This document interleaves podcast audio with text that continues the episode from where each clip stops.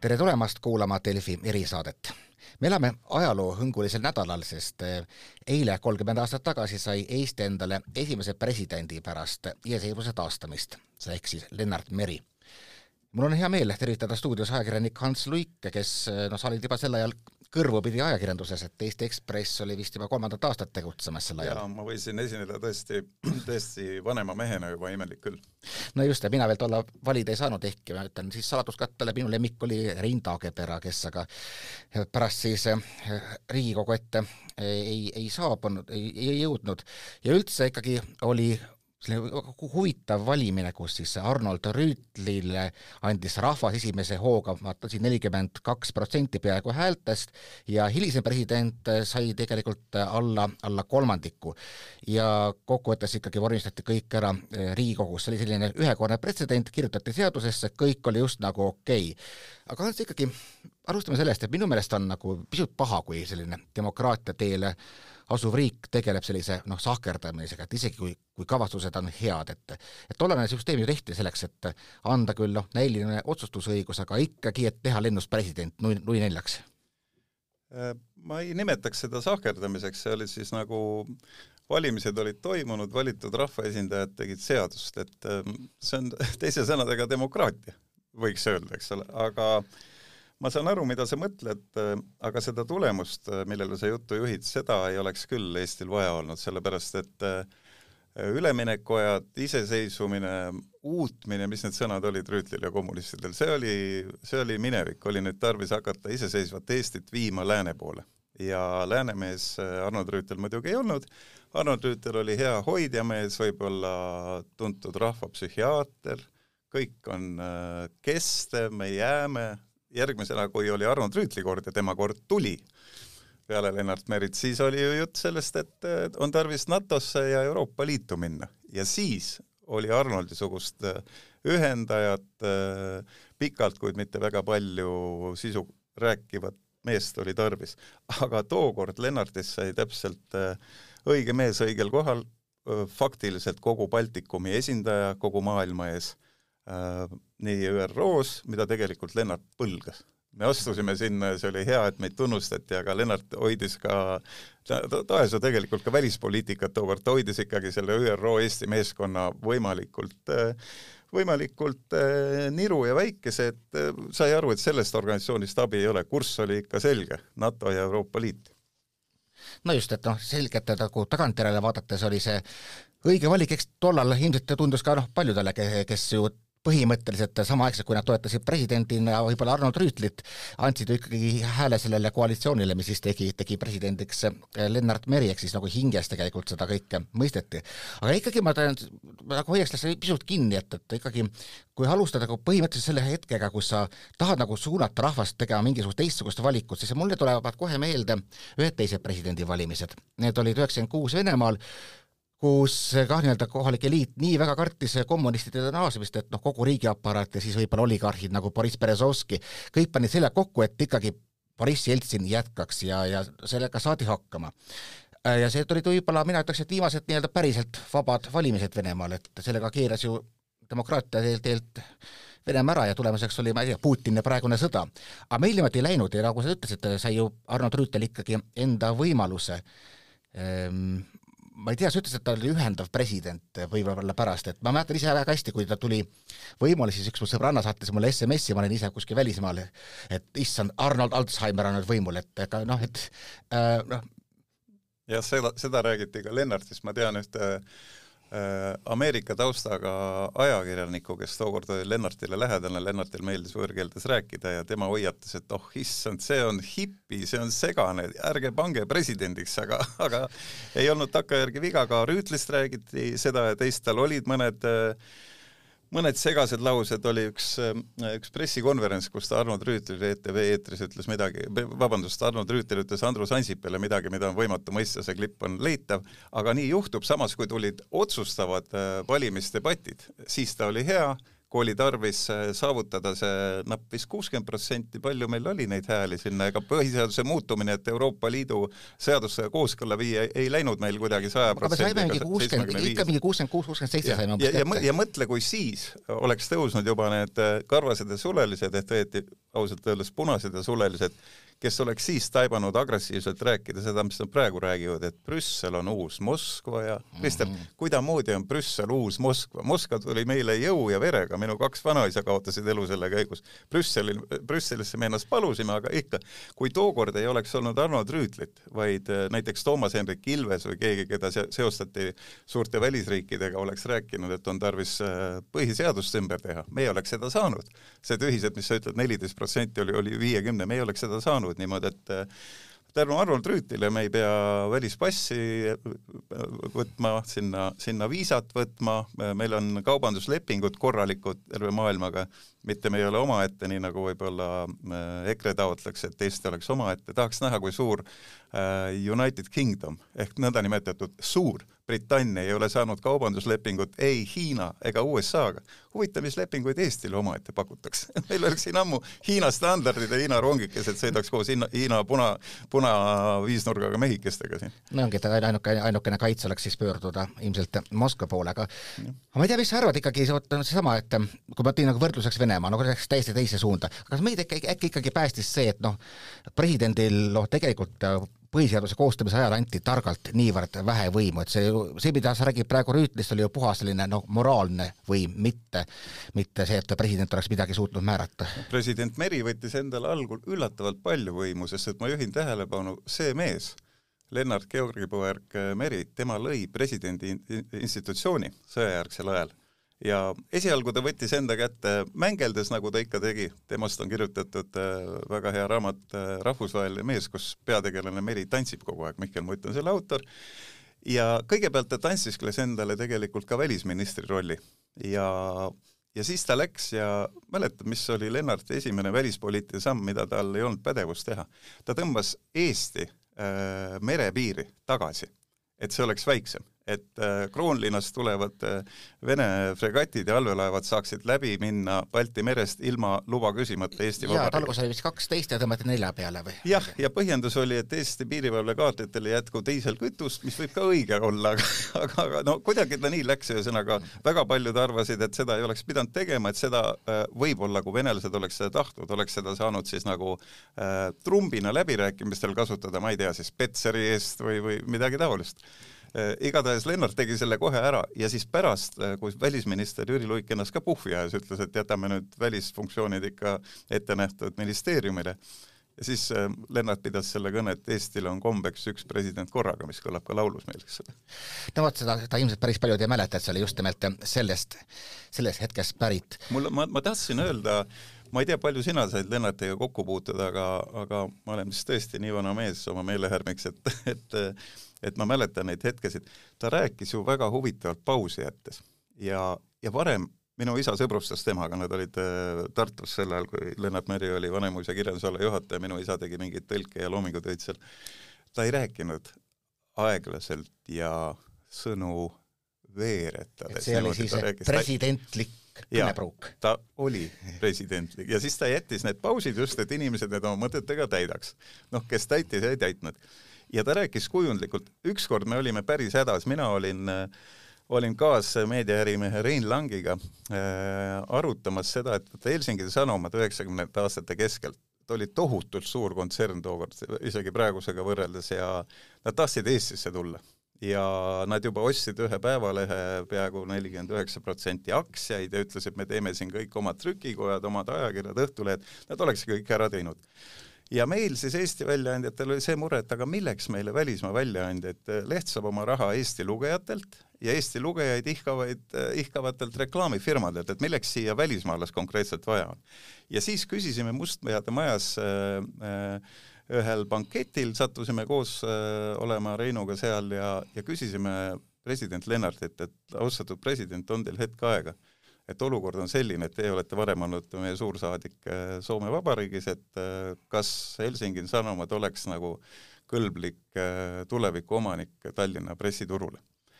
ja Lennart, teades, et tal on tarvis samal ajal säilitada ka häid suhteid Soome Vabariigiga, loomulikult ta ütles meile sellise kujundi, ta viis meid seina juurde, seal oli sammas Mustpeade majas ja ütles, et vaadake, poisid, see sammas siin on vanem kui ükski maja Helsingi linnas. Ja see oli kõik. Ja me saatsime muidugi Helsingi Sanomat tagasi, tagasi lahe teisele kaldale, soovisime pärituult. nojah, neid noh, Skandinaaviast tulnud investorid on siia ka tulnud ja, ja pärast ka, ka läinud, et see natukene võib-olla teine teema, aga ka kui me räägime ikkagi siis noh, võrdleme ka Lennartit ja võrdleme nüüd siis Arnoldit ja võrdleme ka pärast, kes tuli Toomas Hendrik Ilvest, siis ikka jälle kostab sellist nagu ohkamist, et ikka Eestil oleks vaja sellist kogu rahva presidenti ja nagu mingi sellise nagu, nagu unistus, aga aga pole ju sellist kunagi olnud, et ega just nimelt, ega ju Rüütel ei olnud mingi rahva ühendaja, ta võib-olla tõi kaasa just nimelt vajalikul hetkel need inimesed, kes muidu võib-olla poliitikas kaasa ei löönud, kui oli Euroopa Liitu minek, aga ega siis ju teine pool ei vaadanud talle selle pilguga, et kuulge, et meie, meie president. president Arnold Rüütel äh, tegi äh, miljonär äh, Aadu Luukase Rahutemma põrmule äh, abiga äh, ühe väga konkreetse institutsionaalse sammu Eesti rahva ühendamiseks, nimelt ta lõi ühiskondliku kokkuleppe institutsiooni seal oli siis äh, kuskil kuuskümmend, natuke üle kuuekümne täiesti erinevate äh, ametite esindajaid, seal olid, äh, seal olid tudengid, seal olid tööandjad, seal oli arstide organisatsioon, seal olid teadlased, seal olid üks ja teine veel ja vot see oleks nagu tegelikult plaan oli neil Iirimaa kombel teha, kus on ühiskondlik lepe, kus lepitakse kokku nelja-viie aasta plaan. niimoodi, et kui on koalitsioonid või valitsused, siis nad nagu teavad, et see plaan on ja täidavad seda, kuidas neil omavahelised suhted ka ei oleks. väga terve koostöö ja selle, selle äh, koosluse asutas äh, Arnold Rüütel ja seda pidas edasi ka teatud aeg Toomas Hendrik Ilves juba koostöökogu nime all ja see oli tegelikult seesama jääkelder. no just, just. ja, ja jääkeldrisse küll toodi mingil alusel, eks ole, äh, esindajaid maakondadest ja rahvaesindajaid, aga see oli üks väga hea algatus, see kahjuks praegu on järgnevate presidendide käes ära kidunud, nii et koostöökogu sisuliselt tegeleb ainult ka väga hea asjaga, aga siiski mitte organisatsiooni, vaid kirjastamisega ja kirjastab inimarengu aruannet, mis on ka väga tähelepanuväärne asi. just nimelt, kui sellest inimarengu aruandest ainult rohkem šnitti võetakse, sellest lähtuvalt ka, ka siis seadusi tehtakse, et aga, aga võtame, kui me räägime ikkagi presidentidest, võtame edasi, et kui nüüd ähm, Arnold Rüütli selline noh, teine, teine tähelend, esimene siis oli iseseisvuse taastamise ajal ja ikkagi üheks korraks ja tuli Toomas Hendrik Ilves ja vot seda ma juba mäletan hästi, kuidas ühiskond oli vot kaasatud, et ma praegu ei kujuta seda isegi ette võib-olla, et presidendivalimiste ajal on toetusmiitingud väljas, et ikkagi see ühiskondlik temperatuur keeti nii üles, et päris paljud ikkagi tundsid, et nad vähemalt hinges seal valimistel ka, ka osalevad. ja seal oli ju Tammsaare pargis kaks laulupidu, üks oli siis Keskerakonna laulupidu, kel, kes oli otsustanud Arnold Rüütlit toetada ja teine oli siis äh, kes seal oli, Chalice ja Tõnis Mägi ja need olid siis Toomas Hendriku pooldajad ja kaheksakümmend intellektuaali seal, Kaplinskid, Viivi Luiged ja kõik, kõik olid kirjutanud siis toetusavalduse, aga Keskerakonna peol oli laululist antud ja seal olid ka natuke vanemad inimesed, Erik Riiger neid laulu vedas ja üks neist lauludest oli Las jääda nagu oli, las jääda nagu on. et seal, see oli üks naljakas sügisõhtu seal jah, aga eh, ma pean ütlema, et eh, tookord Rahvaliit ehm, ja ma mõtlen, kas keegi veel, nad organiseerisid ennast nendes ähm, eelvalimiste voorudes äh, küllaltki äkiliselt, nimelt neil oli selline korraldus, et mandaati üldse ei saagi välja võtta, et kui sa võtad, sa oled juba reetur. ja, ja pärast mäletad, tegid sotsid seda sikku, ka saboteerisid natuke valimisseadust, noh et äh, umbes, et ma võin seda, et otseselt ei keelata, et jätsid nagu äh, lehekesed, hääletuslehekesed tühjaks ja sellega lennutasid enne Kersti Kaljulaidi kõik no teised just. kandidaadid kraavi no. aga, aga tookord võeti jah, poliittehnoloogiat tõsiselt, praegu ma ütleks, et ähm, et poliittehnoloogiat võtab kõige professionaalsemalt äh, ikkagi EKRE need on ikkagi moodsa meedia tundjad, need teevad tööd, EKRE teeb tööd nii-öelda põllul, ma kuulsin, Tallinki laeval on teinekord nii, et mõni, mõni äh, rammusam noormees ütleb, kas ähm, härradel oleks aega nurka koguneda, sooviks keegi kannu õlut saada, räägime konservatiivsest ilmavaatest. korralik põllutöö, aga Isamaa ütleb, et meie töötame parlamendi raames. No vot ja töötage, et tööd tuleb teha, moodsat meediat tuleb tunda, nagu Trumpi omad, et tookord äh, oli selliseks poliittehnoloogia keskuseks oli Rahvaliit, aga sa mäletad, kus kommunist Tarmo Mänd, kes oli Rüütli kantselei ülem, kus ta sai äh, mürgise pilgu proua Ingrid Rüütlilt, kui selgus, et äh, Toomas Hendrik on saanud see sada seitsekümmend neli häält ja siis, mis seal sada kuuskümmend kaheksa või see vahe ei olnud suur. seal oli jah, häälte lugemise lõpuni oli põnevust natukene. see oli ikka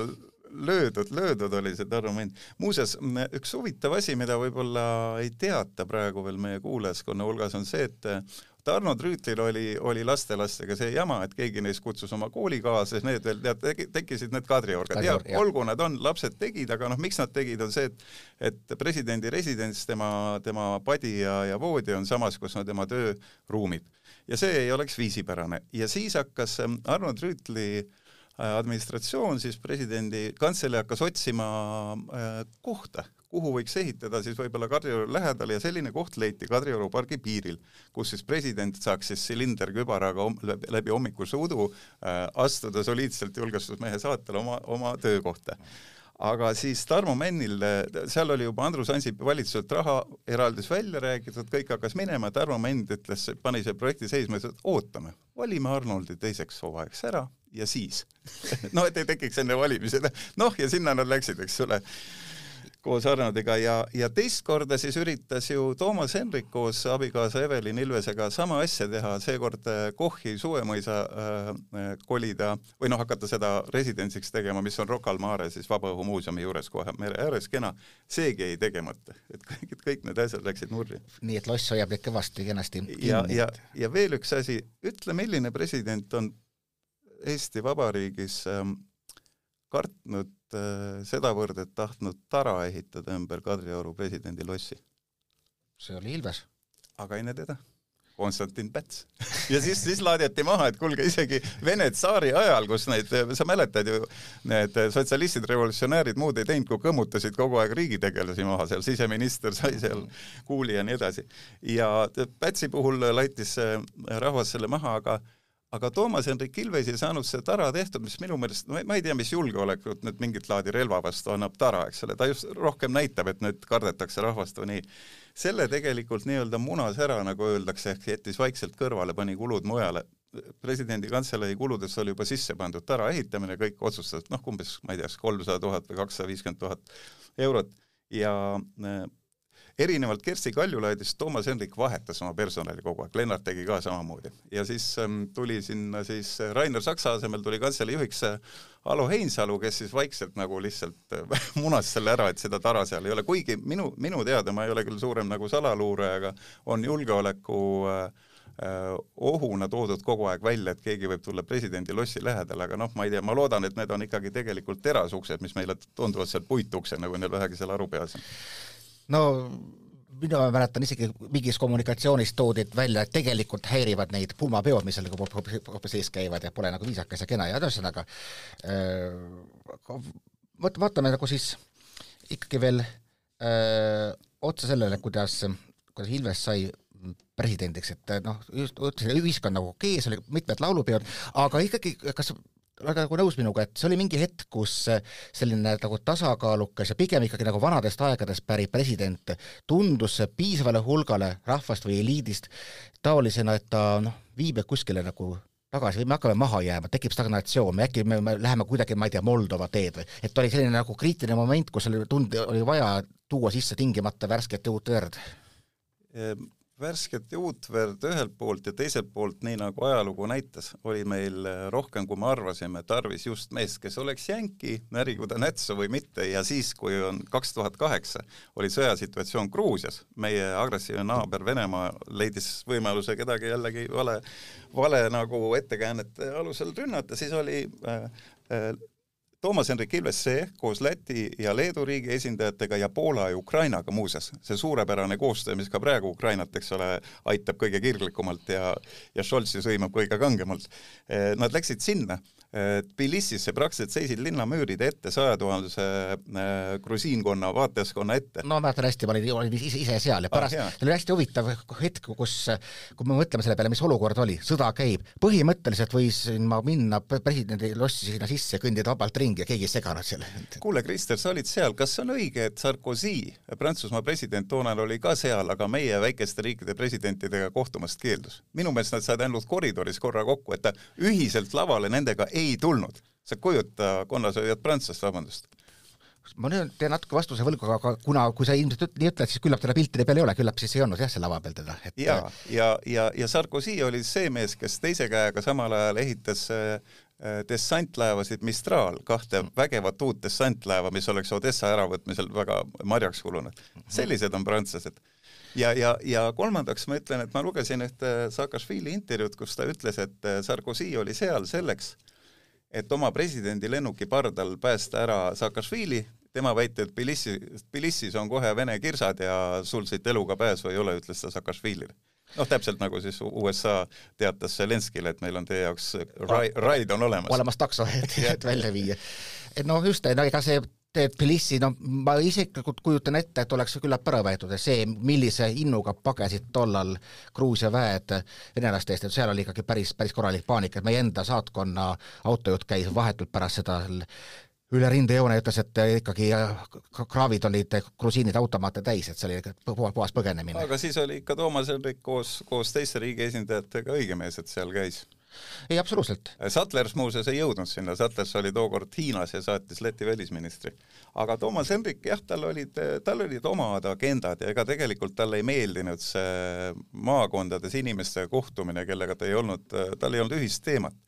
tema oli ikkagi noh, Toomas on elitaar, talle meeldib valida ise, kellega kohtuda, demokraatias nii ei saa, sa kohtud nendega, keda rahvas on valinud. aga see, aga tal oli selge agenda, et selles mõttes tal olid oma Äh, sihid selged, ta oli juba enne presidendiks saamist äh, välisministrina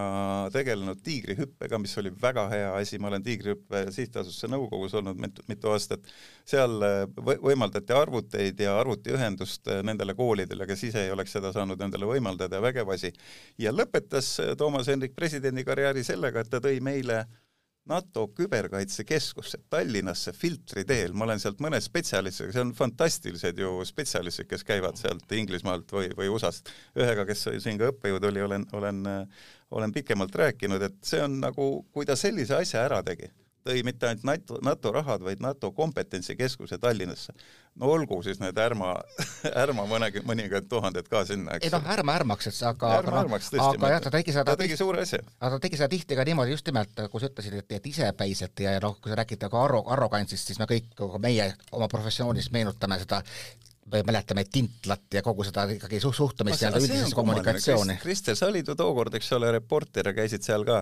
et miks pidi Toomas Hendrik, kes on ise olnud ajakirjanik no,, meie kolleeg, ja tavaliselt, kui sa oled vaba maailma äh, poliitik, sa kasutad ajakirjandust nagu saad, et nende kaudu oma teesid rahvani pressida. aga tema siis, ükskord ta ütles tõesti, et me enne tõsist juttu ei alusta, kui Tintla pole ruumist läinud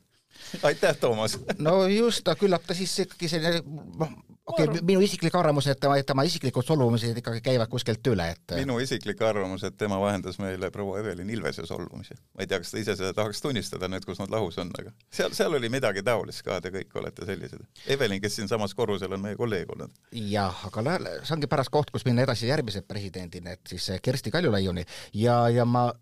tooks te sisse isegi mitte tema alguse, vaid pigem nagu tema, tema lõpu. ja vaata sama asi, et kui eh, sa oled ikkagi piisavalt ebapopulaarne, eriti veel nagu ka siis nende seas, kes sind valivad, siis, eh, siis enam tagasi rohkem ei valitagi. ehk siis kogu see nagu Eesti presidendi institutsioon on hästi palju üles ehitatud põhimõttele, et noh, kui oled koos huntidega, pead ulguma, sa ei saa nendele poliitikutele astuda kanna peale. aga mis, noh, mis presidendi sõltumatusest me üldse räägime siis? minu meelest ta tegi õiget asja, tähendab, et, et kui, kui on tulnud selle klassi hullud kes hakkavad, eks ole, ühte või teist elanike kihti või Brüsselit tervikuna või läänt tervikuna või homosid tervikuna alandama, siis nende enda valitsuskoalitsioonis kahtlemata, eks ole, Ratas seal noh, mis ta natuke mälus ja pungitas silmasid, aga ta ei öelnud otse ideoloogiliselt, mis ta arvab. ta ütles jah, mõnikord ta ütles, et meie, meie liitlaste valitsuse kohta ei sobi, ei sobi öelda näiteks poe, kas, kassapreilide valitsus või no just, ja kui, kui, kui, kui oli ikkagi otse võeti Biden ette, siis pidi ikkagi vana Mart minema Bideni kohta ütles Mart Helme nõnda, nad tegelikult olid saates mõlemad poeg poeg Martiniga, et äh, Ameerikas on ebaseaduslikult võimule trüginud närakad. ja, ja nüüd me näeme, kuidas ainult tänu nendele närakatele ja mitte Eestile, mitte Prantsusmaale, mitte Saksamaale on Ukraina rinnet hoidnud ja vastugi rünnanud. ainult täna nõnda, tänu Helmede poolt nimetatud närakale. et äh, miks nad nii räägivad, on, on raske käsitleda, aga aga keegi, mingi institutsioon äh, pidi vastu astuma ja Kersti Kaljulaid seda tegi, saades neilt kohutajat tõrvata, ma ei tea, keegi seal äh, ma ei viitsi nende möga täpselt meenutada, midagi, teda nimetati rooli joodikuks, kuna kakskümmend aastat tagasi võib-olla ta jäi klaasi veini joonud vahele. noh, see on jah selline no lihtsalt, lihtsalt alandav jamps. muuseas, ma leian äh, sellise paralleeli äh, praeguse Eesti Konservatiivse Rahvaerakonna mille auesimees on Arnold Rüütel ja Arnold Rüütli ühe vana äh, esinemise vahel vaata äh,, oli hästi külm kaheksakümne kaheksanda aasta veebruar, kus juba infot liikus, mis meie äh, vanavanematega tehti, kuhu meid küüditati, kes talu ära võttis, kes peale kaebas, mis on kommunism, et Nõukogude Liit, liit on, eks ole, majanduslikult mäda, see kõik oli teada, me olime siiski ilma passideta Nõukogude koonduslaagri vangid siin. ja kahekümnendal veebruaril kutsuti rahvas äh, Võidu väljakule praegusele Vabaduse platsile, seal oli punane rõi-, rõivas tõmmatud veoauto lafeti peale ja seal seisis Arnold Rüütel koos noorte tööstusjuhtidega ja needis Ameerika Ühendriike. ta, see oli protestimiiting kakskümmend veebruar tuhat üheksasada kaheksakümmend kaheksa, kus Arnold Rüütel äh, siunas USA-d ja käskis neil, käskis USA kongressil jätta sekkumise Eesti NSV siseasjadesse selline mees oli Arnold Rüütel tookord. no mul on väga häbi, et ma seal olen, olen olnud ja, ja Arnold Rüütel sellega, et ta aitas, aitas rahva saada meie NATO ja, ja Euroopa Liidu taotluste äh, taha, sellega ta on, ta on mees, ta on ära teeninud lugupeetud presidendi äh, tiitli, aga nüüd seesama EKRE räägib mida? NATO lennukid tõmmaku Ämarilt minema, äh, Bush on närakas ja veel on jutt, et Euroopa Liit tuleks laiali lasta, sest et äh, Euroopa Liit tuleks kraavi lasta, seda rääkisid nende noored ajud, nii-öelda ajud äh, härrad Ruuben ja Madisson, et võtaks veel sisse järsku siis äh, serblased ja keegi laseks Euroopa Liidu kraavi. ja mõtle, kui me ilma Euroopa Liiduta praegu seda gaasi hinda venelastega arutaksime, kuidas me arutaksime nagu äh, Covidi rahasid, mida, eks ole, Euroopa Liit kokku seal jagab vist null koma seitse triljonit eurot, et ei no kui ma noh, kui need, neid kuulata, siis ilmselgelt kattuvused mingite Kremli jutupunktidega, alates sellest, et kõik need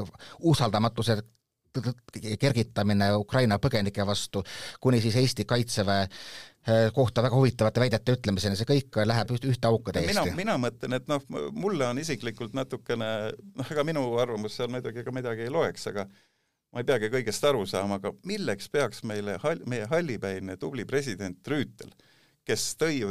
väga õige teesi kahest Eestist sotsioloogile tuginedes, meil on kaks Eestit kogunenud, need kaks Eestit ongi see, mis meil tegele-, eh, mis, mis on, tekitab selliseid eri, erinevusi eri valijagruppide hulgal. Rüütil oli õigus ja Reformierakond ei teinud midagi, et nagu äh, regioone kohelda kuidagi erinevalt, neil on kõikidel sama maks, ei mingit toetust, erinevalt Leedust muuseas, kui Leedus sa paned umbes näiteks seal seitsme või kümne miljoni äh, ulatuses äh, paned, pane Vežissis sinna lõuna poole või, või kuskile Jooniskise juurde, paned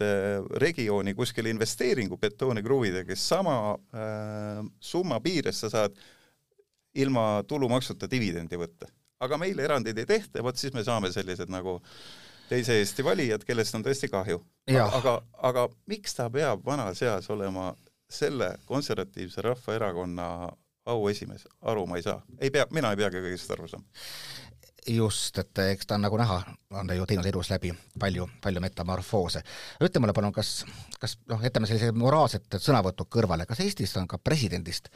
noh, kasu olnud, et heakene küll, et ta on ju noh, lükanud tagasi mingeid seadusi, mulle endale tuleb kohe meelde, kuidas ta lükkas tagasi nii-öelda pronksiöö paketi, mis võeti vastu saadikute poolt täies teadmises, et see on vastuolus põhiseadusega. Ja küll noh, president tagasi lükkab, aga meie saame olla populaarsed, no neid on kindlasti olnud ka, ka, ka teisi. et no mina nagu näengi sellises presidendi funktsioonis sellist ju ennekõike nagu viimast filtrit, et see on nagu tema põhiroll üldse, olla see viimane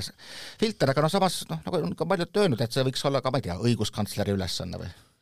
noh, ta tegi siiski, Toomas Hendrik, ta oli närvis kõigepealt väga, kui lugeda mälestusraamatut temast, kelle autoriks on äh, meiegi hea kolleeg Ardo Ideon Maalehest, siis seal on kirjutatud, et sel esimesel öösel, seal oli ju kaks ööd, esimene oli Hugo Bossi öö ja teine oli Armani öö. Et esimene, esimesel siis nagu,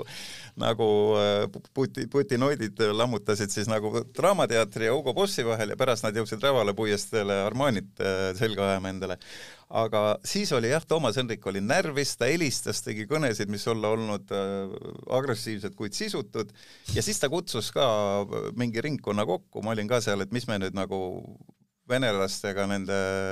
valijaskonnaga või, või, või, või nende meediatarbijatega peaks tegema üldse, et mida me oleme valeti, valesti teinud. aga ta tegi õige asja. Äh, Toomas Hendriku äh, leitmotiiv oli ju teeme Eesti suuremaks ja siis äh, vaata, kui vaatad praegu mingisuguseid küberkaitse teema kirjutisi, siis alati on, et venelased esimesena küberründasid aprillis kaks tuhat seitse Eesti Vabariiki. ja sellest ta käis rääkimas, ta on loenguid pidanud, olen ise juures olnud, eks ole, see ta tõstis meid tõesti suuremaks just sellega, et me saime vantida neetud selle, mis asi on see refusal of service või mis, mis meil Delfis tuleb kogu aeg ju Venemaalt mingisuguseid takistusi, teid no, võetakse maha aeglaselt. DDoS ühesõnaga. DDoS ja, ja, ja, ja see mees, kes oskab ka ise programmeerida, Toomas Hendrik see, see viis meid just selle hädaga, et näete, mis venelased võivad teha, et see on ebakonventsionaalne sõda, nii me vastu põrutame. aga jah, teisel perioodil oli Toomas Hendrik väsinud ja nagu ma ka kuskil olen juba öeldud, et ta tegi selle lolluse, et läks avameelitsema Ameerika Ühendriikide suursaadikule ühel õhtul, kes muidugi kirjutas memo, Toomas on agressiivne, peab palka väikseks, inimesi lolliks. no milleks sa räägid välisdiplomaadiga südames südames, ma ei tea, kas USA, USA diplomaat oli talle tõesti, tundus nii oma, et ta arvas, et tema peale siis nagu memo ei kirjutata, muidugi kirjutatakse. no just selle peale siis ka, noh, ma tulin just meelde, kus kuskil Moskvas käis mingi võiduparaadi, kus tulid inimesed juurde ja väga siiralt, see oli veel aeg, kus võit oli ju suur ja Eesti noh, ei olnud väga sõbralik, aga siiski tuldi õla peale patsutama mulle tänaval, et aa, Eestist jah, teate, teil on Ameerika president, aga pole midagi, kui väga pahasti, kutsuge meid appi, me tuleme, me vabastame teid. Ei no vaata, kui, kui kui sõjapresident George Bush saatis Valgest Majast Ilvese ära, siis nad olid nii lähedased, et Bush surus tal kõvasti kätt farmeri kombel ütles Tom Toomas vastas president, sir. aga räägime ikkagi veel siis, eh, noh, võtame selle presidendi institutsiooni, ma küsisin, et kas kasune, kas see võiks olla õiguskantsler või pigem ikkagi nagu tahakski, kui mõtleme, mida, mida rahvas tahab, et kui vaadata küsitlusi, siis väga ülekaalukalt A tahetakse otsevalimist ja B, mul jääb mulje, et nad tahavadki midagi ikka nagu rohkem sellist noh, monarhi sarnast nagu koos kõigi nende regaaliatega, kõigi nende oma pallidega. no võib-olla nagu Briti kuningakoda, kuigi noh, Briti kuningakoda vähemalt toob raha sisse kokkuvõttes riigile tervikuna Äh, Briti kuninga perel on nelisada teenistujat ametis, ma just lugesin et ähm, mina ütleks niimoodi, et äh, sellest, mis praegu on, piisab, aga presidendid võiksid teha rohkem. muuseas, mul on meeles mõned korrad, kui president on väga konkreetselt öelnud, mida peab tegema, aga osad neist nagu peavad presidenti nii suureks institutsiooniks, et sul ei sobi öelda näiteks, et kuulge, et meil on äh, sõjapuhuks on meil puudu LNG terminal meil on tähistamata varjendid ja maa-aluste garaažide omanikega üldse lepingudki sõlmimata, meil, nii nagu Ekspress paljastas, ei olnud Tartus seda medikamentide varu, mis pidi olema riigi raha eest, et kui president räägib, et meil peaks meetmed olema võetud ja taristuga tegeletud, riik on nii väike, sa ütle, et mida te raiskate siin, mis Haapsalu raudtee või Süku kultuurimaja ehitamine ropult kallistel aegadel, eks ole, sa ei pea keerutama, aga selles mõttes, no Toomas Hendrik ükskord ütles, mul oli au olla kutsutud Estonia kontsertsaali siis vabariigi aastapäeval ja ja mul oli varem antud äh, kõnetekst lugeda, ma olin selle saanud, kuna pidin pärast siis televisioonile kommenteerima midagi taolist, ja seal ta laksas hästi konkreetselt, et kuulge, et mis regionaalpoliitika see on, kui Eesti Energia küsib liitumistasu ühelt väikselt Kesk-Eesti ettevõttelt sada kolmkümmend viis tuhat eurot või midagi nii ja minu kõrval, kujuta ette, istus Sandor Liivek, kelle peale siis sel hetkel tuli, ma ennem üksasin, et nüüd tuleb sinust ja siis prožektor sõitis tema peale koos Eesti Rahvustelevisiooni kaameraga. no see oli ikka väga konkreetne, et see, see ei tohiks olla presidendi asi. aga miks ka mitte, miks ta ei peaks osutama? just, et noh, jah, et siiamaani ju presidendid on pigem pidanud kõnesid sellistel nagu kõrgematel moraalsetel teemadel, mis viib meid nagu praeguse presidendini, kes no ma ütlesin, et ta noh, see süsteem näitab seda, sa pead kõigile meeldima väga erinevatele eliitidele, mis kokkuvõttes võtab nagu maha terve hulga teravust, mis ka oli Kaljulaidil, et praegune president, noh, ta ju ütleb ju õigeid asju, aga ma ei tea, mul, mul ei ole nagu meeles erinevalt teistest ja ühtegi tsitaati temast no ta välispoliitikas vast ütles äh, venelastele midagi, aga kuidas täpselt, ma ei tea, no igatahes Riigikontrollis nad tegid ju väga, väga korralikke materjali juba, juba Alar Karise ajal. aga, aga mida ta praegu peaks ütlema, mis sa pakud? las ma pakun. ja, ja sa mõtled. vaata, praegu on selline asi, ma ühesõnaga, ma ei ole mingi sisepoliitika vaatleja, et öelda nende kümnete aastate jooksul on natukene ka tüdimus tekkinud just Eesti Vabariigi sisepoliitikast, aga praegu ma, ma ütlen nüüd töösturina, ma olen ma ei tea, on see nüüd väga, väga uhke asi, aga olen suurima Tallinna trükikoja Printel omanik, kus gaasiga äh, kuivatatakse heatset trükitooteid. ja me vaatasime juba suvel, meil on äh, koalitsioon koalitsioonilepingu äh, energeetika punkt kaks on sügiseks loome LNG siis äh, vedelgaasi äh, toomise võimekuse. sügis on käes, hakkas kahekümne kolmandal septembril. Vedelgaasi võimekusega, kuidas on? ja, ja nüüd on niimoodi, et meil on haruldaselt juhtunud niimoodi, et Eesti Vabariigi peaminister, endine advokaat Kaja Kallas oli just energeetika alal väga terane advokaat väga terane oma, oma büroo iseloomustusel. ja nüüd tema vaatab, kuidas keegi kommunaalpoliitik Taavi Aas, kes enne ajas neid asju, siis mõtle, Taavi Aasa-sugune Savisaare käpik linnavalitsus läheb selliste krahvidega nagu Ain Hanschmidt ja vennad hääled rääkima, kes on tõesti vilunud ärimehed ja muidugi ei ole kokkuleppele jõudnud, siis, siis sekkub veel, eks ole, nagu me teame, Taavi Veskimäe ja see on niisugune pudru ja vot president peaks ütlema, et kuulge, see on nüüd küll koalitsiooni ja peaministri vastutus, et lõpetage see ärplemine, tehke nii, nagu iga suure kinnisvaraprojekti puhul teete, et jaotate vastutuse ära. kui gaas, gaasi tuleb või gaas ei tule, nagu noh, kinnisvara, kui on väga suured kinnisvaraarendus, ikka tehakse nii, siin on arendaja vastutus, siit algab ehitaja vastutus, jagate ära, need koosolekud toimuvad iga kuu kuskil. mitte mingit nagu keemiat ei ole siin erilist. no mina ütleksin ka presidendina võib-olla võtaks kõige teravamalt sõna äh, minu meelest üle igasuguse mõistuse läinud bürokraatia vohamise vastu, kui me sama energeetika näide, kui öeldakse, et meretuuleparkide planeeringud võtavadki kolmteist aastat aega, no see ei ole ju, kuulge, mis asi see on? niimoodi, aga äh, vaatame siis veel, et äh, kahe, nagu kahed viimased äh, nagu valimised olid ju ikkagi presidendi ametisse saamiseks ütleme ikkagi erakordselt piinlikud, no veel eriti siis seesama viimane, kus siis Kersti Kaljulaid tõesti musta hobusena sisse toodi. ütle mulle, kas sa oled aru saanud, et noh, igaüks nagu sõnades ütleb, et see on nagu piinlik ja halb ja vale, mis pull see on, et, et noh, et poliitikud ei alusta siiski põhiseaduse muutmist. no praegu oleks see viimane hetk võib-olla teha, et saaks kahes koosseisus ära teha, et seda enam ei juhtuks mitte ainult muutmist, vaid nad siiski otsivad mingisuguse seaduseaugu, nii nagu sotsialistid Jaak Allik ja Oleg, vabandust, Jevgeni Ossinovski seda tegid, et vaatas, et kas, et tõesti sa annad mandaadi ära, aga ei märgi oma eelistust. Ja lasedki ree pealt ära, eks ole, et et see on natukene ussitamise moodi, kuna ei suudetud kokku leppida. sa mäletad, ükskord Reformierakond ju tõi Marina Kaljurandi, Siim Kallas ja kes siis Jõksi tõi kuidagi, et igatahes kõik, kõik eeldasid, et Kalju, Marina saab minu hea koolikaaslane Tallinna Inglise kolledžist ja kujuta ette, tõmmati taburet alt ära, Marina oli sedavõrd solvunud. Et, no just nimelt, et, et sa, noh, sa lähedki lõpuks sinna ikkagi valimiste ainult siis, kui sa oled juba täiesti kindel ja muidu no ka viimastel valimistel nägime mitmeid nimesid, kes noh, pärast ma arvan, et tunnevad ennast suht halvasti, et nagu just nagu lubati ja siis, siis tõmmati ära, et see ei ole nagu selles mõttes klassikaline kandideerimine, et et äh, sa ei, sa ei tea, et noh, lõpuks Karisu läks ainult selle peale, kui ta kindlalt teadis, et, et ta saab, see ei ole ka mõistlik, mõistlik, aga noh, mina ütleks, et tegelikult äh, kui nüüd rääkida eelviimasest presidendist, siis Kersti Kaljulaid äh, sobinuks palju paremini ikkagi tegevvõimu juhiks, peaministriks. tema kategooria ei ole nagu äh, ilukõned, tema kategooria on tegevus, tal on tohutult hea ettevalmistus, ta on äh, mikrobioloog hariduselt, siis ta on töötanud äh, Eesti suurimas pangas ja siis veel ka Iru äh, energiajaama direktorina, no mis sa veel tahad praeguses olukorras? kontrollkojas Euroopas, noh. kontrollkojas jah, no see, see jah, täpselt, suurepärane no näis, vaatame, missugused saavad olema Kersti Kaljulaidi poliitilised ambitsioonid. Eesti kakssada, kes väga palju lootis, vähemalt esialgu on vist osa sellest lootusest maha matnud, aga aga see on natuke juba teine teema. God save the president täpselt, aitäh Ants Õigele, mina olen Krister Paris. jälle kuulmiseni uutes Delfi erisaadetes